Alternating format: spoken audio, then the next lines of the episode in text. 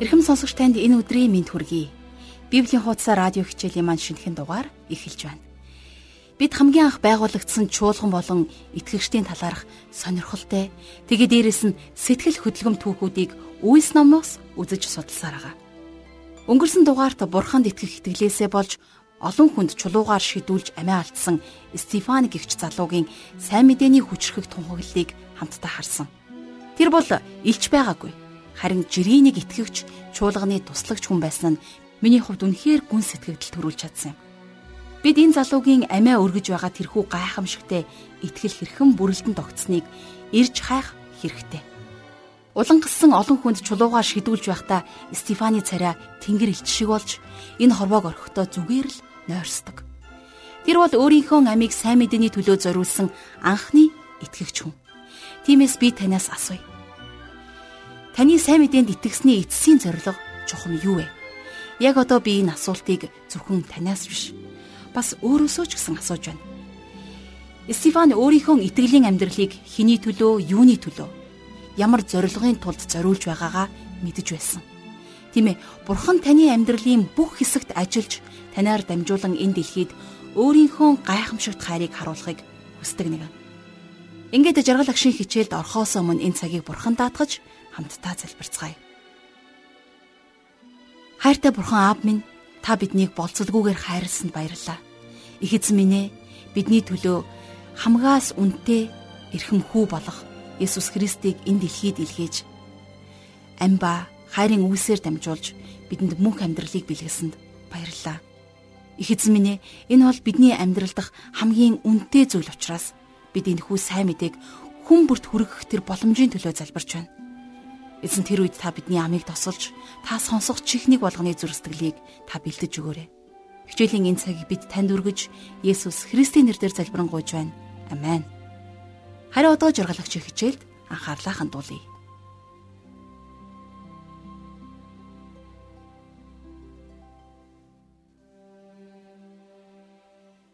За өнөөдрийнхөө хичээлээр бид хамтдаа Үйлс номын 2 дахь гол хэсгийг эхлүүлж байна. Үйлс номын эхний бүлгийн 8 дугаар ишлэл нь энэ номын хамгийн гол ишлэл гэж үзснийг та санаж байгаа бах. За энэ ишлэл анхны үеийн дагалдагчид анхны чуулган барьж байгуулах гурван гол жанжин шугамыг илэрхийлсэн байдаг. Эхлээд ариун сүнс тэдний дээр бууж ирнэ гэдгийг хэлсэн. За Есүс өөрийн дагалдагч нартаа энэ тухай Иохны сайн мэдээ номны 14 дугаар бүлгээс 16 дугаар бүлэгт маш тодорхой хэлсэн байдаг. Ариун сүнс бурхны гурвлын нэг болсон бурхан ариун сүнс дагалдагчдын дээр бууж ирснээр тэдний амьдралд цоо шин эрийн үе эхлэх болно гэдгийг Есүс тэдэнд урдчлан амласан байсан. Тэгэд ариун сүнсний хүч чадалгүйгээр түүний жолоодлого удирдлаггүйгээр тэдний хүлээн авсан ажил ямар нэгэн амжилт олж чадахгүй гэдгийг бид эндээс төвөггүй ойлгох боломжтой. Тэгэхээр хамгийн ихэнд дагалдагчид Иерусалимд Бурхныг гэрчлэх ёстой байсан. Харин одоо Бурхан ариун сүнсээр дамжуулан Юудэ аймаг за бас Самар аймагт ажиллаж эхэлсэн тухай гарах юм. За Үлс номын 2 дахь хэсэг буюу энэ хэсэгт 8-аас 12 дугаар бүлэг хамаарагддаг.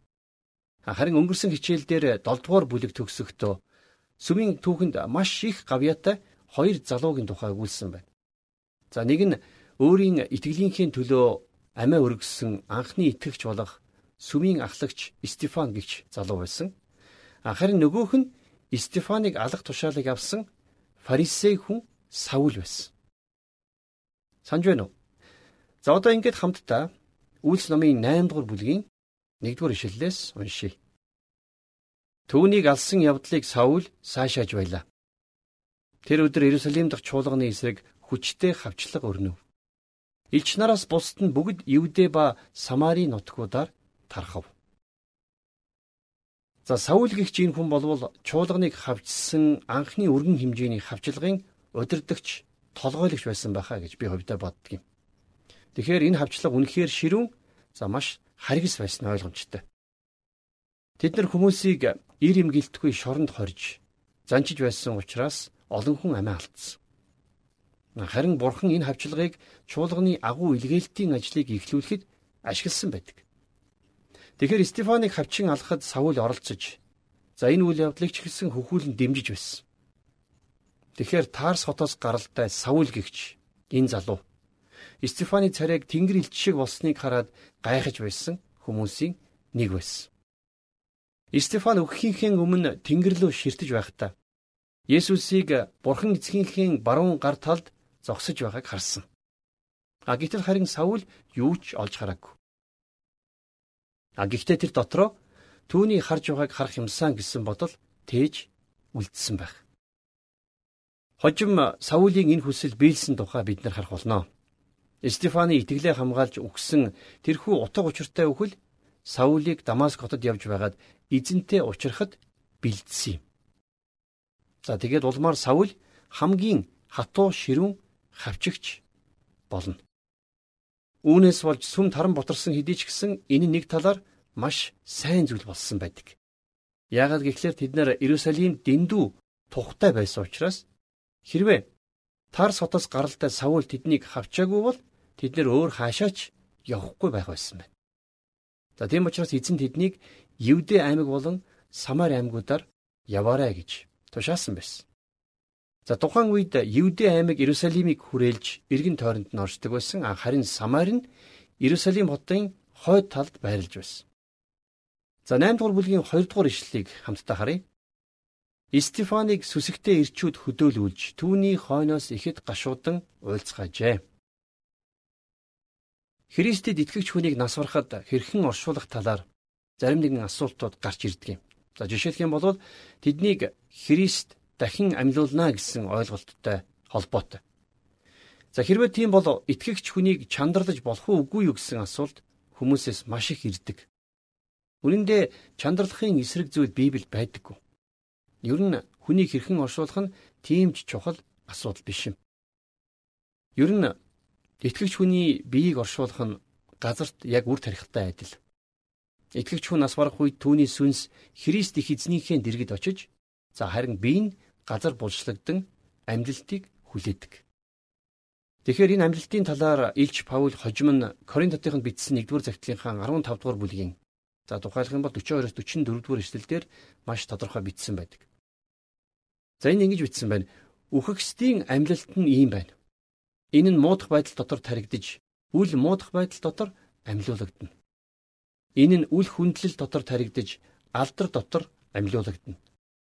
Энэ нь мөхс байдал дотор таригдж хүч дотор амьлуулагдана. Энэ нь төрлөх биеэр таригдж сүнслэг биеэр амьлуулагдана. Хэрв төрлөх бие байдаг бол сүнслэг бие ч мөн байгаа гэж Паул бичсэн байна. Тэгэхээр үхэл бол бидний амьдралын төгсгөл биш. Харин бидний найдвар юм. Бид нэр цаг нь ирэхэд энэ амьдралд баяртай гэж хэлээд явцгаана. Харин бидний амьдралын үнцийг үхлээр дамжуулж эзэн алдарших болно. За 3 дугаар ишлэлийг үргэлжлүүлэн харцгаая. Харин Саул Айлаас айлд орж ир имгэлгүй баривчлан шоронд хийж чуулганыг тарамдуулж байлаа. За өнөөх Саул гихч ир хэдийгээр энд маш муу зүйлийг хийж байгаа ч гэсэн үнэхээр идэвх зүтгэлтэй хүн байсан байна. Хожим тэр өөрийнхөө талаар Филиппо номын 3 дугаар бүлгийн 6 дугаар ишлэлдэр идэвх зүтгэлээрээ бол чуулганыг хавчигч гэж тодорхойлон бичсэн байдаг. За ингээд дөрөвдүгээр эшлэл дээр тархсан хүмүүс явсан зөв бүртээ үгийг тунхагласаар байваа гэсэн байна. За хавчлагын үр дүнд юу болсон тухай энд гарч байна.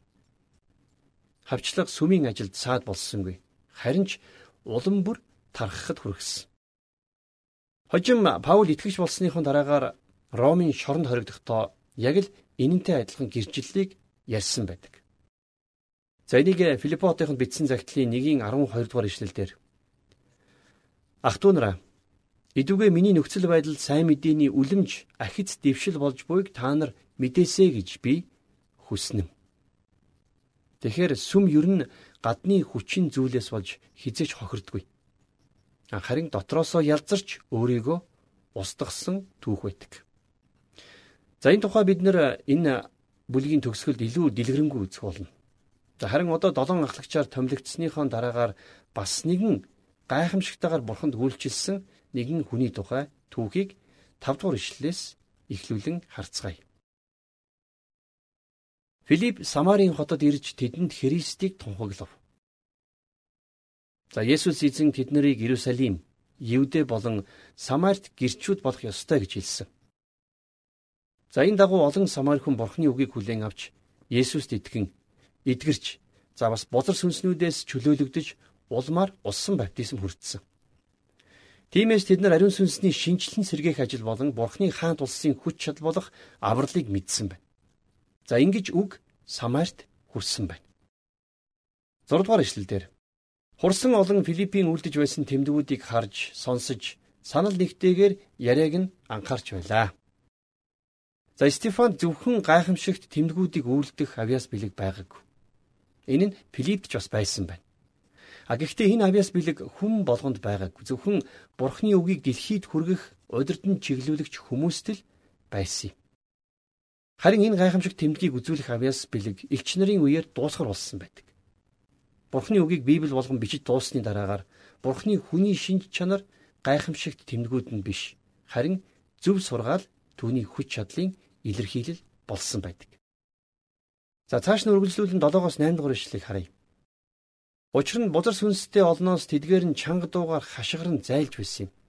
Сав өвчтэй болон ирэмдэг олон эдгэрч байв. Тэр хот үлэмж баяр баясгалтай байлаа. Сайн мэдээ Самарт хөрч ирэмдэг саа өвчтэй хүмүүс эдгэрч эхэлсэн. Бид нар Филиппиг ирэхэд маш сайхнаар хүлээн авч хандаж байсан. За ингээд сайн мэдээ энэ газарт бусад газраас ч илүү баяр баясгалан авчирсан байна. Харин сүм энэ үед маш хурдцтайгаар өсөж итгээргүй хүмүүс хүртэл ирдэг болсон байна. Бид нар хэдийгээр жинхэнэ итгэгчд болж амжаагүй ч гэсэн итгэсэн хүмүүсийг дагаад л явж байсан. За ийм хүмүүсийн нэгтэй нь бид удахгүй танилцсан уулзах болно. За 9 дугаар ишлэгийг үргэлжлүүлэн харцгаая.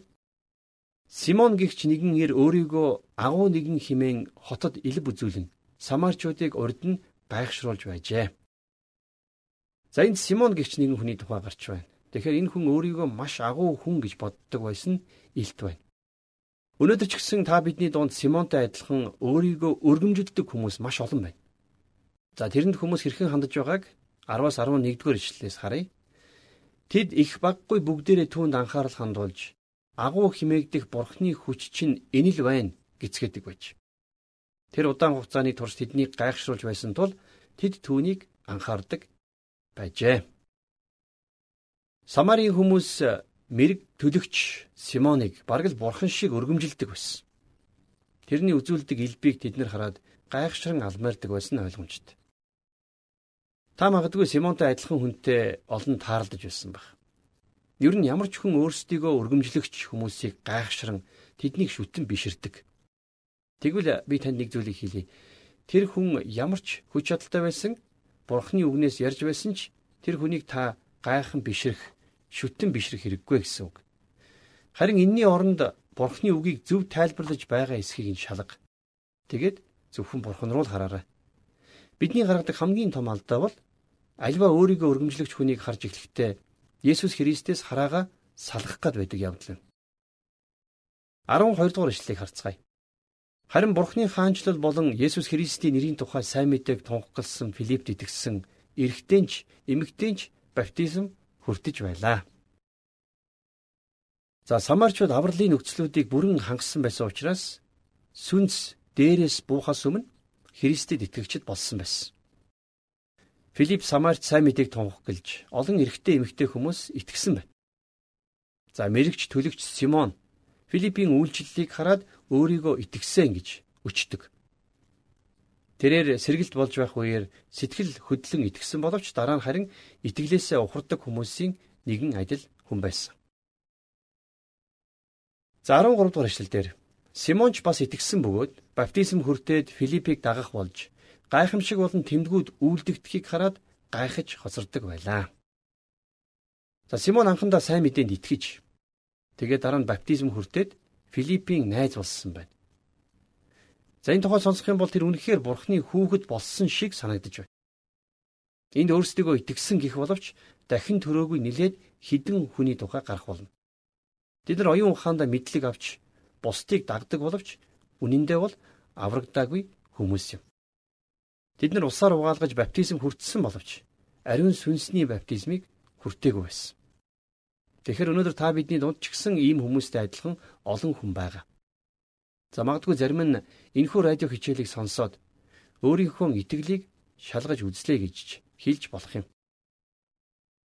За тэгвэл Паул 2 дугаар Коринтын 13-ын 5 дугаар ишлэлдэр та нар итгэл дотор байгаа эсхээ шалга өөрсдийгөө батал гэж хэлсэн байна. Тэгэхээр альва хүн өөрийгөө дүгнэж цэгнэ гэдэг бол маш сайн зүйл. За Симоны гаднах үйлдэлээс нь харахад итгэсэн хүн байсан юм шиг боловч Сэтгэл зүрхэндээ болвол тэр жинхэнэ итгэлгүй хүн байсан. За ингээд цааш нь 14-өөс 16 дугаар ишлэгийг харъя. Бурхны үгийг Самар хүлээн авсныг Иерусалим дахь элчнэр сонсоод Петр Иохан нарыг тэднэр лөө илгээв. Тэд ирж тэдэнд ариун сүнсийг авахуулахын төлөө залбирчээ. Учир нь тэдний хиндэнж ариун сүнс хараахан буугаагүй байсан бөгөөд тэд эзэн Есүсийн нэрээр зөвхөн баптизм хүртсэн байжээ. Ариун сүнс Пентекостийн өдөр итгэгчдийн дээр буусан шиг харин тэр хүмүүсийн дээр хараахан буугааг байсан байна. Тэд нар илэрх ёстой сүнсний илэрхийллүүд за ялангуяа Тэнгэрлэг онгодоор өгөгддөг хэл яриаг тодорхой үзүүлээгүй байсан. Элч нар Самарт ариун сүнс агуугаар ажиллаж байгааг сонсоод Петр Иохан нарыг илгээдэг. За тэднийг Самарт ирэхэд Есүсийг хүлээж авсан гэж амаараа тунхаглаж байгаа боловч харин дахин төрөөгүй маш олон хүмүүс байдаг. За тэгээд усаар угаалган баптизм хүртэх нь таныг Есүст итгэж шинэ амьдралтай болсныг бэлэгдэх боловч таныг дахин төрүүлж авралт хүргэдэг шидийн зүйл биш юм. За илвчин Симоны хувьд гэх юм бол гайхамшигт тэмдгүүдэд татагдсан байсан. За харин 17 дугаар ишлэгийг харъя. Тэгээд тэр хоёр тэдэн дээр гараа тавихад тэд ариун сүнсийг хүлээн авч байлаа. За элчнэр ирж гар тавин залбирснаар дамжуулан самарчууд Пентекостийн өдөр болсон ариун сүнсний баптизмын адил ариун сүнсийг хүлээж авсан байна. Урд нь Филипп сайн мэдээг тунхагласан боловч ариун сүнс буугаагүй. За тэгвэл энэний шалтгаан нь элчнэр ирж шинэ газар нутагт сайн мэдээг нэвтрүүлэх даалгавартай байсантай холбоотой байж болно. За энэ шалтгааныг би зөвхөн тухайн үеийн түүхэн нөхцөл байдлаар нь авч үзэж байгаа юм. Өмнө нь Есүс тэдэнд энэ үүрэг даалгаврыг өгч байсан. За энэ даалгаврын дагуу Петр Иохан нар сайн мэдээг Самарт за Евдэд авчрах ёстой байсан. Харин Паулийн хувьд гэх юм бол сайн мэдээг Евдэ бус буюу за харь үндэстнүүдэд хүргэх элчийн үүргийг хүлээж авсан.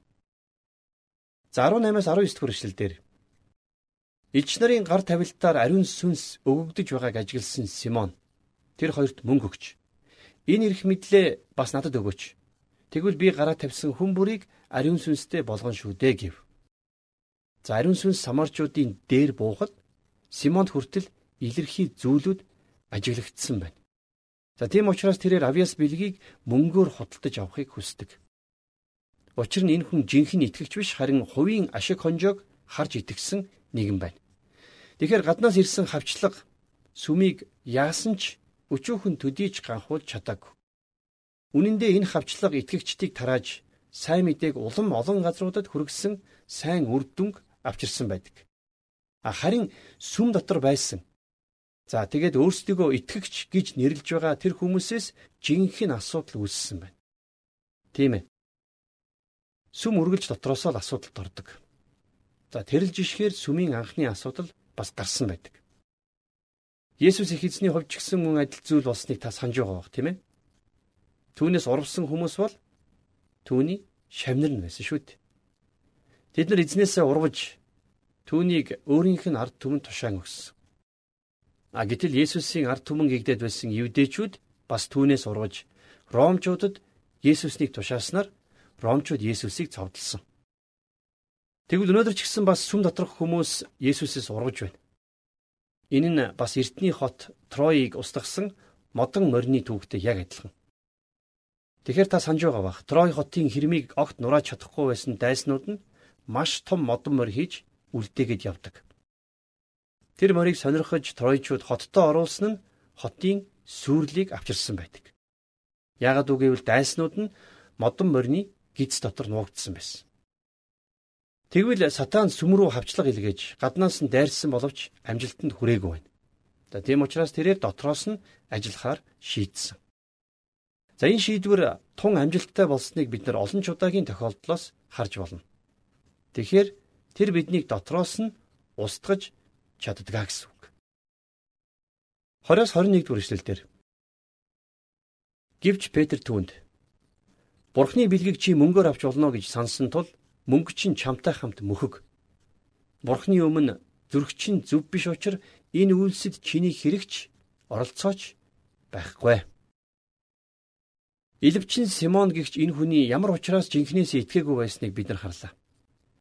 Ариун сүнсний хүч за бас бэлгийг өгөх эрх мэдлийг авахыг ирмэлзэж байсан Симоны хувьд тэрний зүрхсэтгэл нь Бурхны өмнө зөв байж чадаагүй хорон муу санаа худал хуурмгийн хүлээсэнд байсаар байсан учраас бурхан түүнд татгалцсан байна. За Симоны сонирхол бол ердөө мөнгө л байсан. За цааш нь 22-оос 23 дугаар ишлэлдэр энэ ёр мууга гимшиж эзэнд залбир. Зүрхний чинь хар санаа уучлагдж болох юм. Учир нь хор шар зүй булсын хүлээсэнд байгааг чинь би харж байна гэжээ. Ариун сүнсний жинхэнэ бэлгэн зөвхөн түүнээс имээгч зөвийг үйлдэгч нэгэн дээр л асгардаг. Харин Симоны хор шар зүйл болсон хүлээсэнд байсаар байсан учраас Петр тэрнийг инхүү маш хатуу зэмлэлсэн байна. Харин Симон энэ зэмлэлийн хариуд Петрээс нэгэн гуйлтыг гуйсан байгааг хамтдаа 24 дугаар ишлээс харцгаая.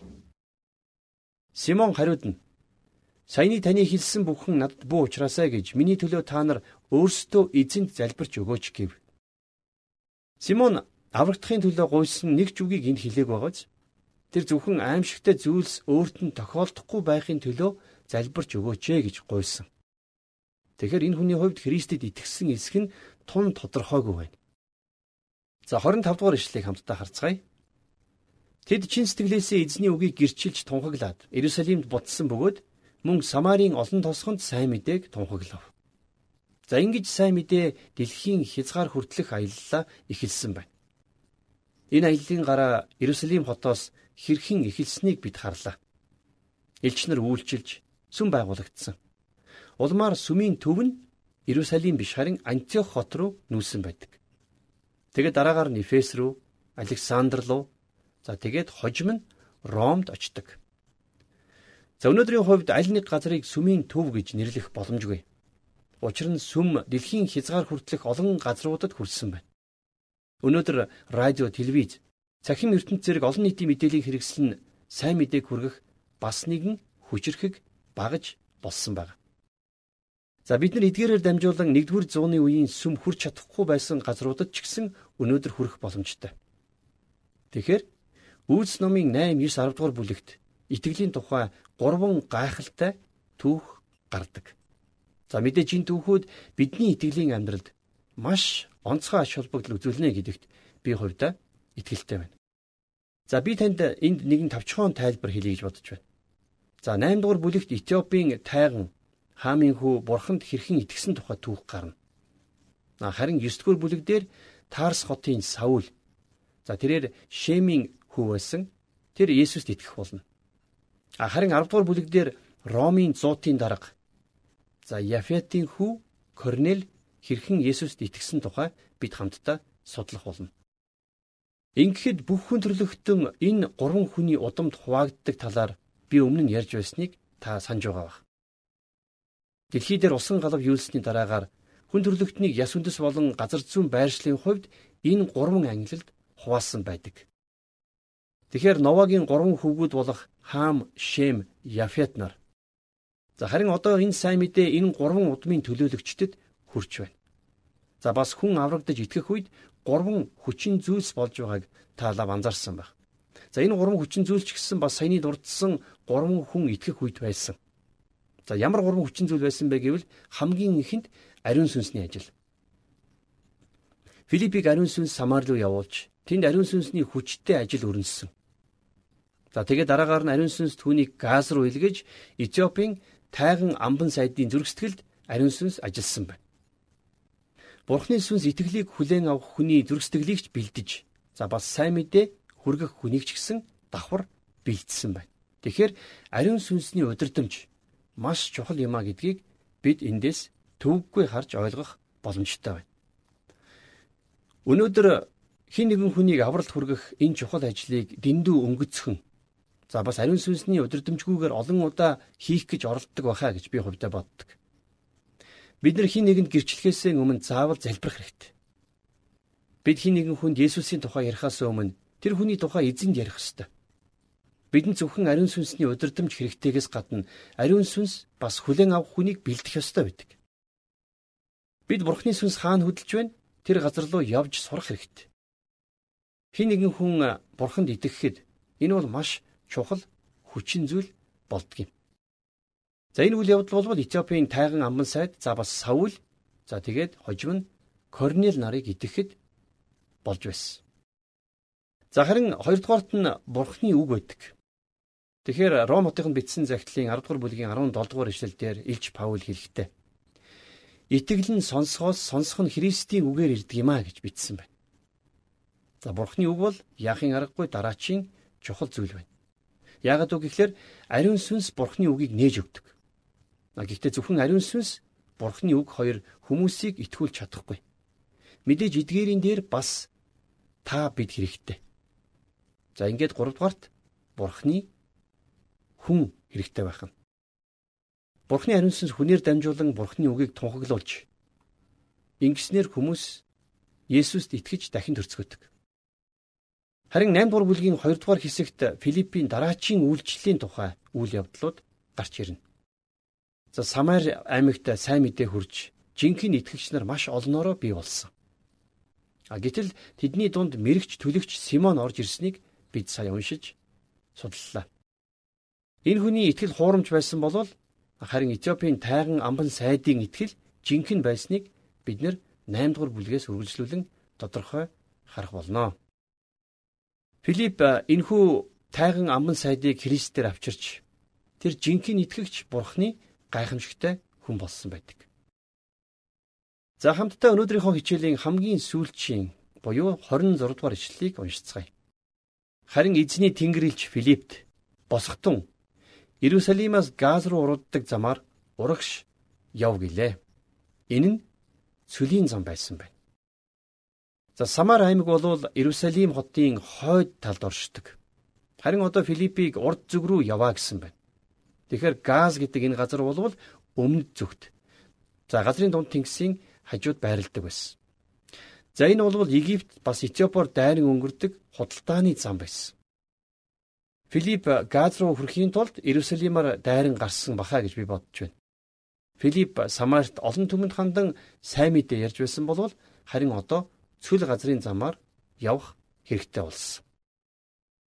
Тэр ариун сүнсний хүчрэхгээр ажиллаж байсан газрыг орхиж хинч байхгүй цүл газар руу илгээгдсэн миний гайхшрлыг төрүүлдэг. Харин тэнд очиход бурхан тэрэнд гэрчлэх хүнийг аль хэдийнэ бэлдсэн байна. Тэгэхээр би юу хэлэх гээд байна вэ гэхээр сайн мэдээ тараана гэдэг бол зөвхөн сүмийн ахлагч пасторуудын үүрэг биш юм. Харин итгэгчид тархан явж байсан газар бүртээ сайн мэдээг тараан дэлгэрүүлж байсан. За тэгвэл тань ч гэсэн бас өнөөдөр бурхны хүүхдийн хувьд сайн мэдээг тунхаглах эрх мэдэл байгаа. Хэрвээ бид нар тэдний тараасан сайн мэдээг үлгэрлэх юм бол энэ нь яг л үерийн устай адилхан байх болно. Тэгэхээр өнөөдрийн хичээлээр дамжуулан Бурхан бидэнд ариун сүнсний удирдамж хичнээн чухал болохыг дахин санууллаа. Христэд итгэнэ гэдэг зөвхөн түүний тухай хүлээн зөвшөөрнө гэсэн үг биш. Энэ бол зөвхөн таны толгойд тогтох мэдлэг, мэдээлэл төдий зүйл биш харин цоо шинээр дахин төрж гайхамшигтайгаар өөрчлөгдсөн тэрл шин амьдрал юм. Христэд итгэсэн бид түүний заасан тэрл амьдралыг өөрсдийнхөө амьдралаараа гэрчилж энэ нийгмийнхээ зөвхт байдал хөгжлийн төлөө түүний үгийн дагуу сайн мэдээг тараах нь эрхэм чухал юм. Тэгэхээр өнөөдрийн хичээлээс миний авсан хамгийн чухал мэдлэг бол бидний аврагч болсон Есүс Христэд итгэх итгэл нь бидний амьдралд ариун сүнсний хүч чадал буун ирэх тэр хаалгыг нээж өгч тэгснээрээ өөрчлөлтийг бий болох үйл явцыг эхлүүлж өгдөө гэсэн хэсэг байлаа. Мэдээж энэ нь амьдралдаа ямар ч итгэхгүй байж амьдралын өөрчлөлт аяндаа бий болно гэсэн үг биш. Харин ариун сүнсний хүч чадал амьдралд маань ирснээр бид тэрхүү өөрчлөлтийг мэдэрч хүлээн авч цоошин амьдралын хев загвар зөв шудраг үнэнч тэмчтэй мөн итгэлтэй байдлын эхлэлийг тавих болно. Энд хэлэхэд байгаа бас нэгэн гайхамшигтай мэдээ бол бид өдөр тутам ариун сүнсээр дүүрч түүгээр удирдуулах бүрэн боломжтой. Дашрам тэлгээд өнөөдрийн Библийн хуудас радио хичээл маань Үйлс номын 8 дугаар бүлгийн 1-ээс 26 дугаар ишлэлийг хамтдаа уншиж судалсан байгаа. Та ариун сүнсээр удирдуулна гэдэг асар их хүчийг өөртөө агуулна гэсэн үг юм. Харин бид өнөөдөр сүнсийг сонсох түүнтэй хамт байх цагийг гаргаж байна уу? Магадгүй үгүй бол та ариун сүнсийг сонсох цагийг заавал гаргаарай. Тэгвэл амьдралдаа хэрхэн гайхамшигтай зүйл бий болохыг та харах болно. Энэ хүрээд өнөөдрийн хичээл маань өндөрлөж байна. Харин та сурсан зүйлийнхаа төлөө Бурханд талархах цаг гаргаарай. Тэнгэрлэг Бурхан Аав минь та бидний амь амьдралд ариун сүнсээ буулгаж өгсөнд баярлалаа. Их эзэн минь ээ бид таны ариун сүнстэй үргэлжид хамт байхыг хүсэж байна.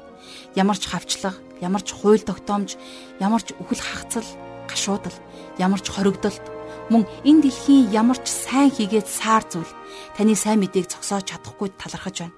Тиймээс эзэн минь ээ та хүмүүсийн амь амьдралд байгаа эсэргүүцлийн хаалтыг нурааж харин сайн мэдээгээ тунхаглахад биднийг ашиглаач. Бид уулзсан хүнийг болгондоо амьдарч байгаа газар орондоо бидний эргэн тойронд байгаа ах дүүстэй таны үгийг тунхаглахыг хүсэж байна. Эзэн минь та бидний зүрх сэтгэлийг, оюун бодлыг, бидний ам хэлийг бэлдээрэй. Бид ирээдүгээ танд өргөж Есүс Христийн нэрээр залбирanгуйж байна. Амен.